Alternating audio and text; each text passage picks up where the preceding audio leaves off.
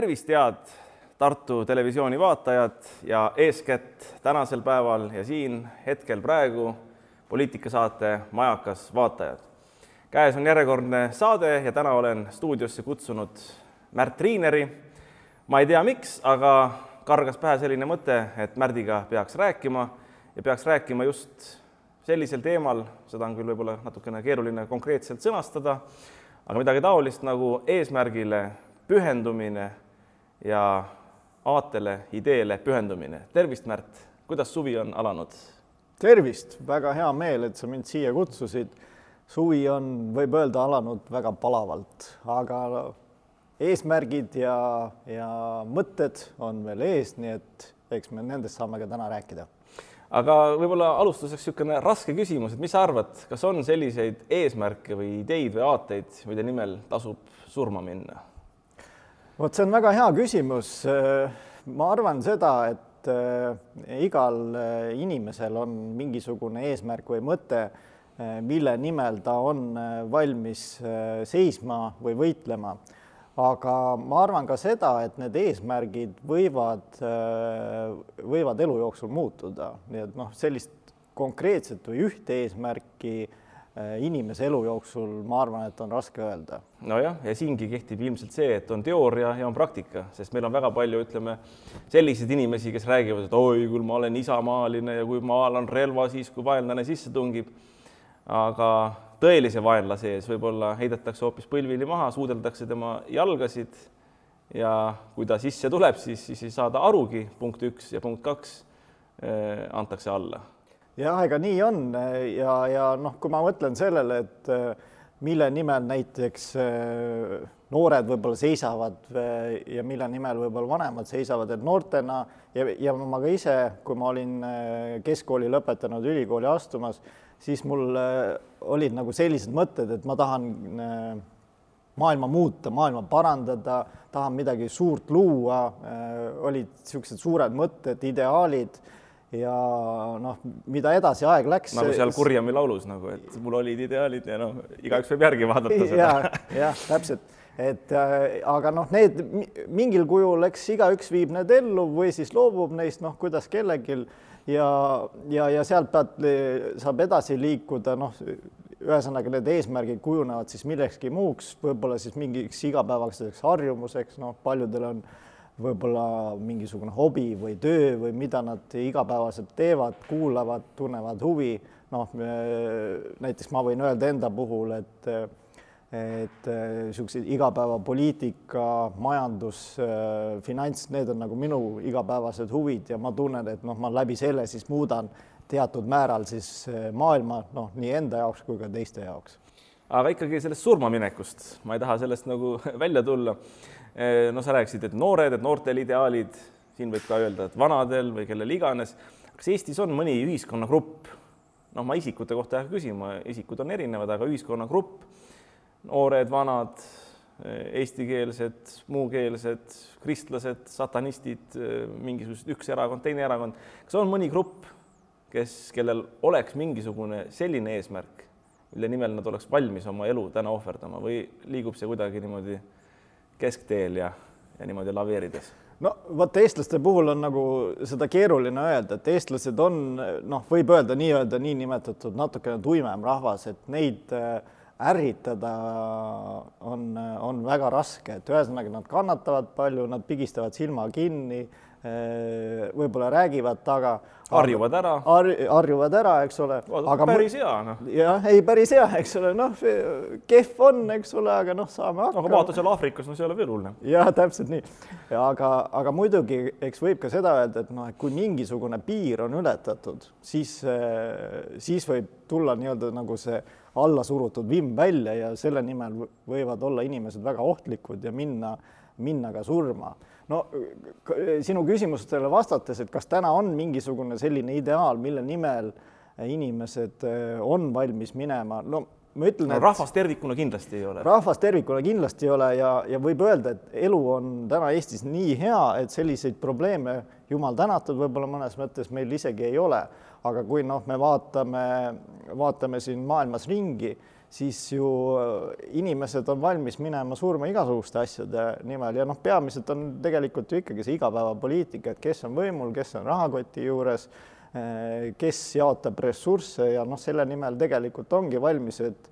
nii ebaõigluse, ressursside jaotamise, oma heaolu nimel neid tegelikult neid teemasid, mille nimel inimesed on valmis oma elu ohverdama, on palju jah, Andres Raid on kunagi öelnud, et alati, kui on riigipööre või paleepööre ka väiksemas mastaabis, noh, mitte et just riiki pööratakse, võib-olla pööratakse mõnda organisatsiooni, siis esimene asi, mida tehakse, on see, et pannakse rahakassale käpp peale. no meil oli ju Vanemuise seltsiski siin pööre, et nii kui pööre toimus, nii kohe järgmine päev Swedbanki konto uuele juhatusele, eks ole, noh, ja see ongi suuremas mastaabis samamoodi võetakse riigijuht, valitsus maha, esimene asi käpp peale see on nagu see ideaal. nojah, ega paraku tänapäeva maailmas, äh, mis maksab, et raha maksab ja, ja kelle käes on raha, selle käes on ka nii-öelda võim, et et esimene asi, mida siis üritatakse võimu haarates saada, on ka rahakotirauad nii-öelda enda kätte ja kes siis valitseb või kontrollib rahakotiraudasid, seega jaotab, jaotab neid äh, ütleme nii, raha jaotab ja temaga kontrollib siis neid, kes, kelle huvi on siis raha saada, ühesõnaga, et tema teostab, ta kontrollib ka ideoloogiat. tema, tema kontrollib ka ideoloogiat ja temas siis äh, on nii-öelda ühesõnaga see, see kogu see äh, tants käib siis tema muusika järgi, noh, et nagu öeldakse, et kes tellib muusika, see ka maksab, ühesõnaga, et seal kehtib. kes maksab, tellib muusika. jah, vot teistpidi jah, et et siin kehtib jah. ja,, ja siin kehtibki tegelikult seesama põhimõte, et kes maksab, see tellib muusika, eks ole, et samamoodi ka, eh, samamoodi ka poliitikas, et, et tegelikult see, kes raha üle valitseb, see ka ütleb, et millised ideoloogiad, millised põhimõtted, millised reeglid ühiskonnas kehtivad. no nii on. minul olid ka noorena kõrged ideaalid, ma ei ütleks, et need praegu kadunud on, lihtsalt ma näen seda, et elu on teistsugune maailm meie ümber on noh, pragmaatiline, mitte idealistlik ja selles mõttes, et neid ideaale tuleb püüda. ideaali ei saa maha matta, ei saa öelda seda, et noh, et ideaal on läbi kukkunud. inimene on läbi kukkunud eh, võib-olla, kui ta seda ideaali kätte ei saa või, või ütleme, libastub või, või kukub selle ideaali kättesaamisel või käega lööb sellele, nii et ideaalid on ikka, aga ütleme, eks me peame ka pragmaatilist elu arvestama, no see on niisugune sissejuhatusjutt aga ideaalid peavad olema. Ja mis mulle nooruses väga meeldis, kui kohustuslik kirjandus oli. Ja üks kohustuslik kirjandus oligi, ma ei tea, kas see oli siis Meelis, ajalooline romaan, ühesõnaga eh, seal oli kirjeldatud seika, kuidas siis muistne vabadusvõitlus oli, kuidas eh, Lembitu vägi alistati eh, ja enne seda siis kui vaenlane, ütleme siis Saksa ristirüütlid, eh, piirasid linnust, kus Lembitu oli,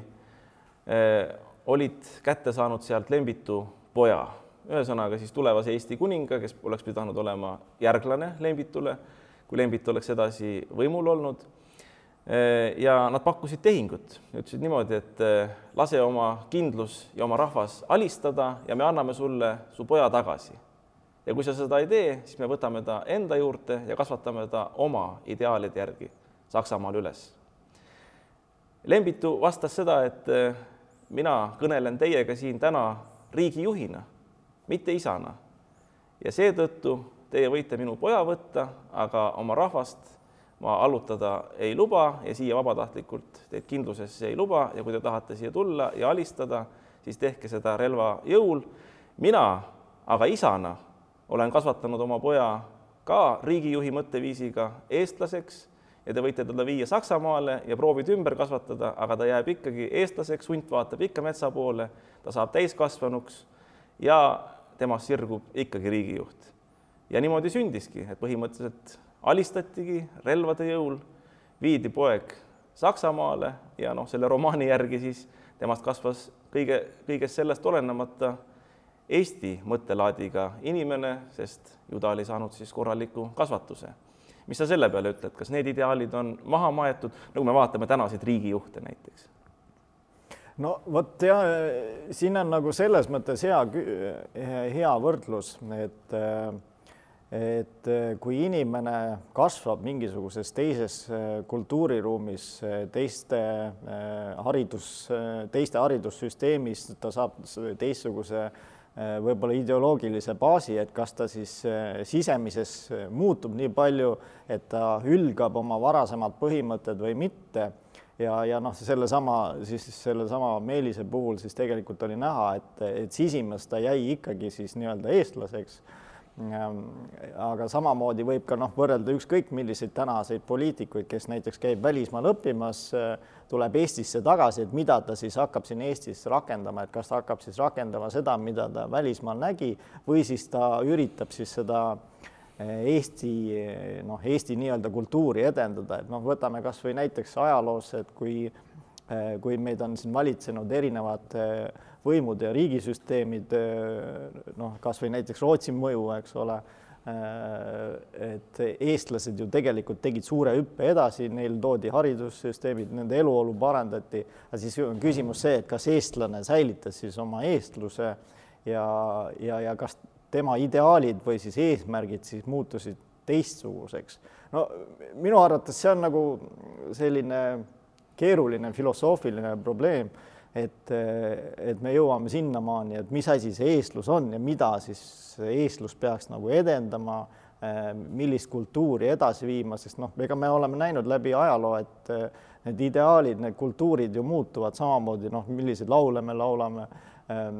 milliseid traditsioone me järgime, need on ajas pidevalt muutunud ja mis asi see, mis asi see eestlus siis nagu kõige ehedamas mõttes on, et kas see on see, kas eestlus on kaheksateistkümnenda sajandi eestlus, kas ta on üheksateistkümnenda sajandi eestlus, kas ta on, ma ei tea, kuueteistkümnenda sajandi või kolmeteistkümnenda sajandi eestlus, et millist, millist traditsiooni me siis järgime ja millist millist siis eesmärki me siis võtame, et vot seda me tahame säilitada, aga seda me unustame, et et minu arvates see on nagu kõige raskem raskem küsimus ja see tõenäoliselt igale inimesele ongi individuaalne, et et mis temale sobib paremini, kas temale sobib siis noh, ma ei tea, näiteks võtame Nõukogude aja, inimestele meeldis Nõukogude aeg, et nemad tahavad seda kultuuri säilitada, kes on sündinud varasemalt äh, Eesti ajal, neile võib-olla meeldis hoopis Eesti aeg rohkem, nemad tahavad seda kultuuri säilida, kes on tänapäeval noh, siin kahe tuhandetel ja, ja võib-olla üheksakümnendate lõpus sündinud, nemad tahavad hoopis seda säilitada, et millist, millist kultuuri me siis peaksime edasi viima. ja noh, minu arvates see ongi selline arengu ja globaalse see süsteemi küsimus, et tegelikult sellist ühest vastust on siin raske leida, et mida siis, mida siis keegi säilitama peaks. Ja, ja, ja, ja mina samamoodi olen näiteks segaduses, et mida siis inimene, äh, millist, millist kultuuri või millist, äh, millist maailmavaadet, millist mõttemaailma ta tegelikult peaks säilitama. äh, ja milliseid, noh, ma ei tea, mille poolt siis hääletame, mille poolt vastu hääletame, aga see ongi tegelikult individuaalne, minu, minu arvates individuaalne küsimus ja ja, ja, ja mida siis inimene peab igaüks ise välja mõtlema oma sees. no eks see peaks olema ilmselt kollektiivne kokkulepe ja noh, kui küsida, et mis on eestlus või kes eestlane on,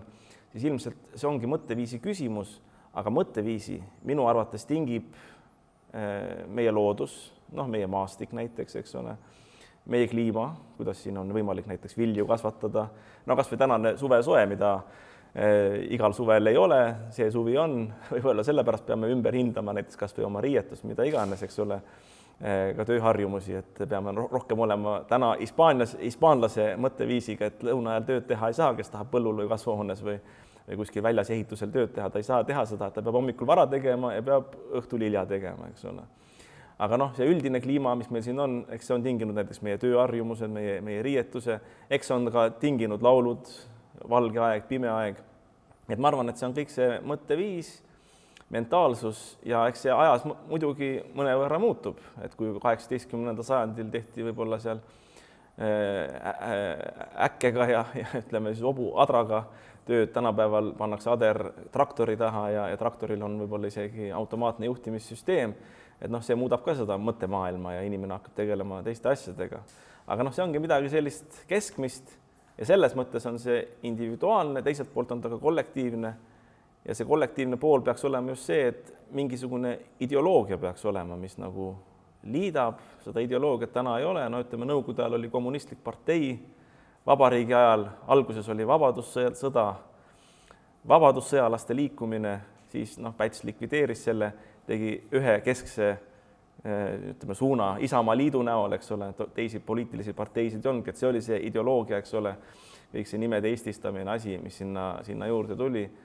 aga noh, uuel ajal võib-olla alguses oli see laulev revolutsioon, rahvarinne, aga edasi killustus ja praegu nagu ongi, et iga mees teeb oma, et me räägime siin mustanahalistest eestlastest ja ja luterlikest eestlastest ja ateistlikest eestlastest ja ja Reformi Keskerakonna eestlastest ja nii edasi ja niisugust ühtset rahvast nagu ei olegi. no selles mõttes ma olen täiesti nõus, et, et võib-olla noh, see nõukogude aeg, mis siin vahepeal oli ja, ja siis taasiseseisvumine ja sealt edasi, et võib-olla siis eestlased hakkasidki nagu otsima, et mis asi see, millist suunda inimesed peaks edasi minema. Ja no minu arvates äh, ka ei ole nagu noh, sellist ühtset äh, välja kujunenud, jah, meil on mingisugused äh, üldised traditsioonid, et me peame laulupidusid, meil on üldtantsupeod ja nii edasi, et see noh, me peame täna seda siis nii-öelda oma kultuuriks ja seda, kui hümni kolmandat salmi lauldakse, millegipärast lauldakse alguses vaikselt, ma ei tea, kas ei taheta Jumalat ärritada või midagi, ma hakkasin üks päev mõtlema seda, et no miks kõik laulavad kolmandat salmi nüüd vaikselt, et kui Jumal valvaku, siis võiks ju ikka kõvasti laulda. nojah, jah. aga noh, need on traditsioonid nagu, mida millegipärast järgitakse, nagu ja, laulupidu ja. jah, ja, ja, ja noh, muidugi huvitav oleks teada, et mis mis saja aasta pärast toimub või mis viiesaja aasta pärast toimub, et kas siis lauldakse neid samu laule või või on juba mingisugused teistsugused laulud, et noh, tegelikult see, see näitabki, et ajas, äh, ajas on äh, väärtused, inimväärtused tegelikult või, või noh, sellised kultuurilised väärtused ka muutuvad ja, ja noh, ega sellega tuleb kaasas käia, ega seal ei ole midagi teha, et nii nagu sa ütlesid, tehnoloogia muutub, meie ümbruskond muutub, kliima muutub, kõik muutub ja sellest kujunevad ka uued traditsioonid, uued harjumused ja ja ma arvan, et nagu selle, selle eest seista tegelikult, et iga inimene saaks elada väärikat elu, meie riik, meie keel, meie kultuur nii-öelda üldises baasis säiliks, nii nagu meil põhiseaduses kirjas on. ja ma arvan, et see ongi see, mida tegelikult, mille eest inimesed peaksid oma sisemiselt seisma. et võib-olla noh, kui me laskume nüanssidesse, et need ei olegi nii olulised, vaid me peame vaatama sellist üldist pilti ja minu arvates see on nagu oluline, et me tunnetame, et me oleme eestlased, meil on mingisugune ühtsustunne, meil on mingisugune ühid, ühendav, ühendav lüli ja see on see, mis ühendab, aga muidugi jah, nüanssides kellele meeldib üks asi, kellele meeldib teine asi, ma arvan, et see on täiesti normaalne. no nii on, eks oma köögis ja magamistoas ja elutoas võib igaüks teha, nagu ta tahab. aga kui me rahvana teeme neid ühistegevusasju, mis meid ühendavad, no need peaksid olema ühised ja no ei ole välistatud nagu see, et need killukesed, mida ma siin mainisin, et, et ühesugused eestlased, teisesugused eestlased,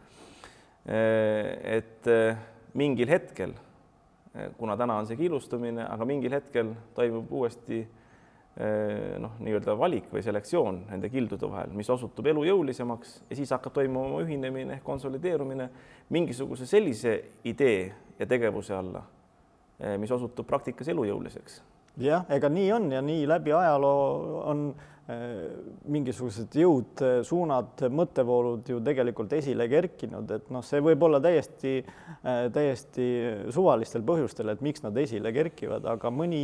mõni mõttevool ja mõni, mõni kultuur, mõni, mõni keel, mõni rahvas kerkib esile ja, ja tänu sellele siis pääsevad nii-öelda võimule ja, ja hakkavad kontrollima ka teist süsteemi, et noh, see, mis konkreetselt äh, esile tõuseb, noh, seda on keeruline öelda. looduslik valik, karm, aga õiglane. no nii on äh,. sa mainisid väärikust ja ma hakkasin meie vestluse ajal mõtlema, no ma olen enne ka mõtteid mõlgutanud ja, ja ka välja öelnud. aga sa tuletasid meelde, et äh, ilmselt, kui sa räägid väärikusest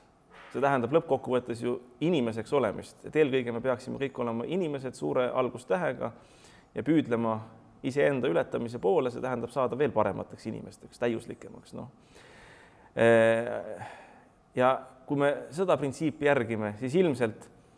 väärikas eestlane on palju lähem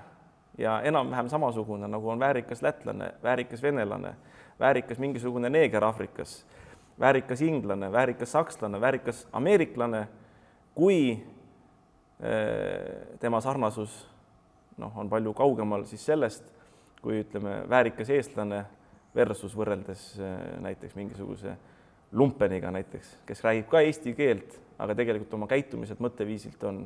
noh, sisuliselt ütleme siis rämps. ja, ega... ja samamoodi on ju Lätis, Venemaal, Aafrikas on ka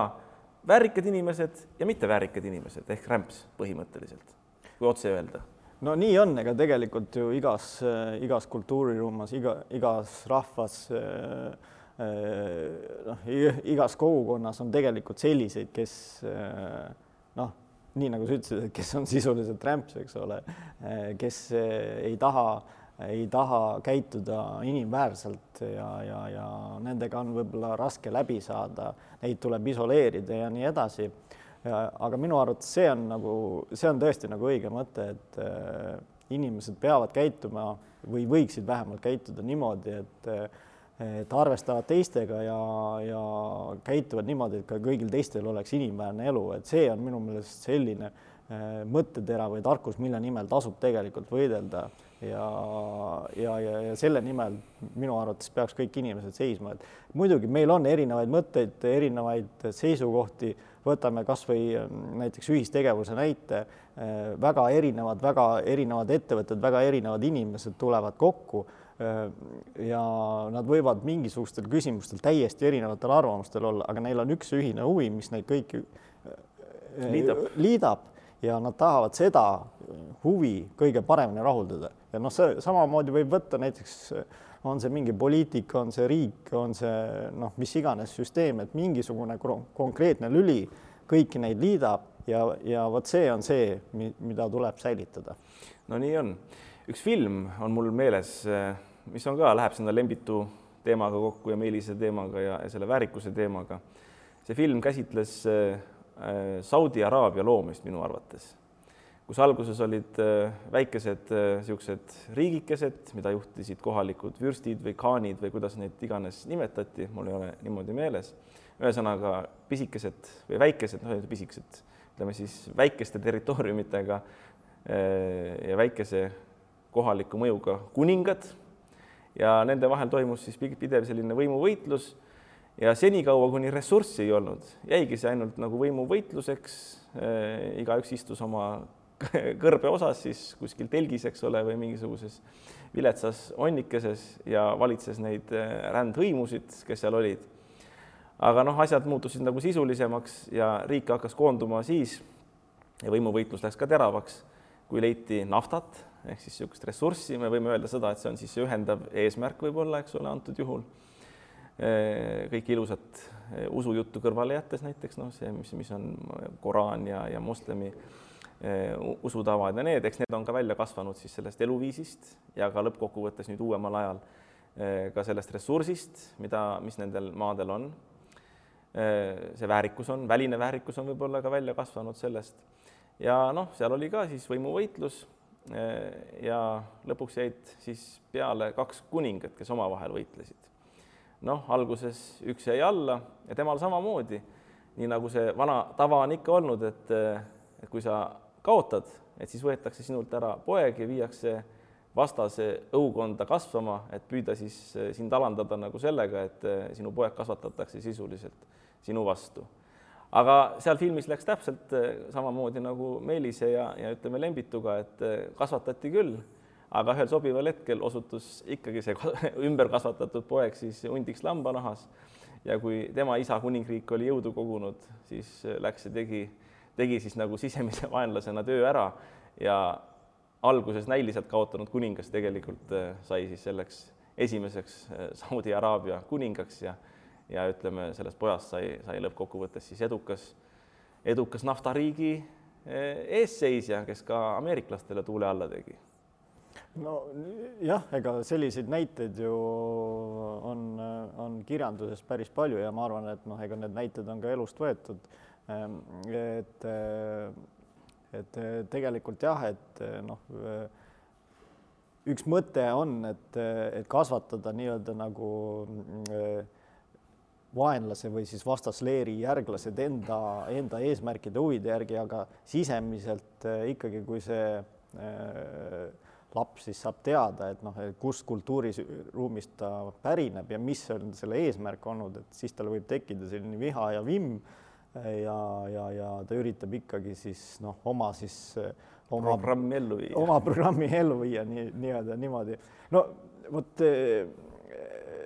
ütleme nii, et noh, ma ei tea, kas tänapäeval oleks selline asi enam äh, nii päevakohane aga Mao Zedongi poeg kasvas ka Stalini käe all, aga lõpuks aga... läks ikka tagasi sinna ja. jah, jah, nii et noh, selles mõttes kunagi ei tea, et ma olen alati mõelnud selliseid situatsioone, et et noh, me mõtleme igasuguste ekstreemsete olukordade peale, äh, mismoodi sellises situatsioonis inimene käitub, aga, aga reaalsus on tegelikult see, et, et ega tegelikult me ei tea, mismoodi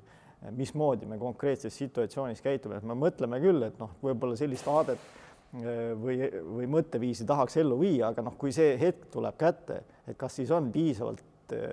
jõudu, piisavalt mõistust, piisavalt tarkust, et seda ellu viia. Et noh, need näited on ju noh, sellised, äh, kus isik on olnud tugev, piisavalt tugev ennast kehtestada, et et ennast võimule, võimule võidelda nii-öelda. Aga ma arvan, et päris palju on neid hetki, kus on löödud põnnama ja, ja, ja ongi loobutud oma ideaalidest ja on integreerunud lihtsalt siis sinna kultuuriruumi, löönud käega kõigele ja ongi elanud oma elu rõõmsalt ära, noh, võib-olla, võib-olla kahetsenud südames, aga, aga see ei ole lihtsalt kunagi jõudnud äh, jõudnud siis nii-öelda kirjaveergudele. aga oled sa tähele pannud, et väga paljud poliitikud täna Eestiski, ma arvan, et Lätis ja Leedus ja igal pool on samamoodi, nad reklaamivad ennast äh, mitte esimese hooga äh, noh, sellena, mida nad poliitiliselt või riigis või kohalikus omavalitsuses on teinud, vaid nad reklaamivad seda, et nad on noh, laste isad ja siis abikaasad, eks ole, ja noh, see riik ja kohalik omavalitsus, see tuleb võib-olla siis kolmanda, neljanda, viienda järguna, kuigi tegelikult võiks ja peaks ju olema vastupidi aga ma hakkasin mõtlema seda, et noh, siin on küsimus ongi kasvatuses, ma arvan, et see ongi võtmesõna ka rahva kasvatuses ja, ja kultuuri kujunemises, ühise peavoolu kujunemises nii-öelda. et kas needsamad poliitikud, kui nad reklaamivad, et kui nad on head isad ja head abikaasad, kas nad vajadusel on ka oma naisi või lapsi riigi eest valmis ja rahva eest, seda enam rahva eest valmis ohverdama? no vot, see on hea küsimus. usaldavad nad oma kasvatust isana nii palju, et nad on kasvatanud tublid pojad ja tütred kes jäävad ikka nende programmi ellu viima, isegi siis, kui vaenlane nad ära võtab, kui nad tuleks ohverdada riigi ja rahva huvides, et nad viiksid oma isa programmi edasi? no vot, see on hea küsimus, et kas inimene on äh, valmis loobuma teatud hetkel kõigest või mitte. et noh, kui me võtame näiteks äh, meie esimese vabariigi äh, riigipead, noh, siis meil on igasuguseid näiteid, et kuidas seal läks, et et noh, võtame näiteks Jaan Tõnissoni, eks ole, kes jäigi lõpuni eh, sirge seljaks, noh, ta viidi eh, viidi vanglasse, üritati teda siis alla kirjutama. pani frakigi selga enne, enne käis vannis ära. ja, ja, ja, ja ta ei loonud mingisuguseid eh, ideaale endale, et ta pääseb sealt olukorrast, tal oli selge, et see asi saab ainult ühtemoodi lõppeda ja, ja ta jäi ikkagi enesele kindlaks, noh teades, et tal ei ole enam midagi kaotada, aga noh, mõni teine äh, andis sellele survele järgi, kirjutas alla, et ta tunnistab ennast süüdi, noh siis hiljem, hiljem öeldigi, et äh, näed, et ta oligi kurjategija, hoopis ta ei olnudki, ei olnudki aus, aus riigimees, vaid ta oli lihtsalt lihtlabane kurjategija, kes, kes mõisteti siis surma tema kuritegude eest. või istus vaimuhaiglas. jah, või siis vaimuhaiglas jah ja, ja, ja noh, see ongi selline olukord, et, et me mõtleme enda sees läbi, et, et vot kui tuleb selline noh, seisad nüüd piltlikult öeldes püssitoru ees, et siis mina jään kindlaks, mina äh, taon rusikaga rinda, et vot seda ma teen, aga noh, tegelikult kui see hetk on käes, siis kas sa ikka teed? kas sa siis ikka teed jah, et äh, et sama lugu on eh, nende inimeste ja poliitikutega, et ega me ei tea, mismoodi nad mingis konkreetses situatsioonis käituvad. kas nad annavad meid ära, kas nad jäävad, eh, jäävad siis oma riigile truuks või mitte, noh, see on, kui selline ekstreemne situatsioon tuleb, siis ma arvan, et see on ainukene võimalus, kuidas seda teada saada, ega seda enne ei saagi teada. aga võtame selle natukene keerulise ja natukene kõikehõlmava jutu võib-olla kokku niimoodi, nagu meie esimene president Konstantin Päts ütles, koolilõpetajatele, kui ta kõne pidas, et teie kõigi kohus on kasvada tublideks vabariigi kodanikeks. nii et ühesõnaga see kasvamise protsess, see tähendab ka ju kasvatust, see tähendab seda, kuidas vanemad oma lapsi kasvatavad. et kohustus on kasvatada eelkõige tublideks inimesteks, tublideks vabariigi kodanikeks ja sellega ongi võimalik leida seda ühisosa, et ühiskonda tervikuna edasi viia.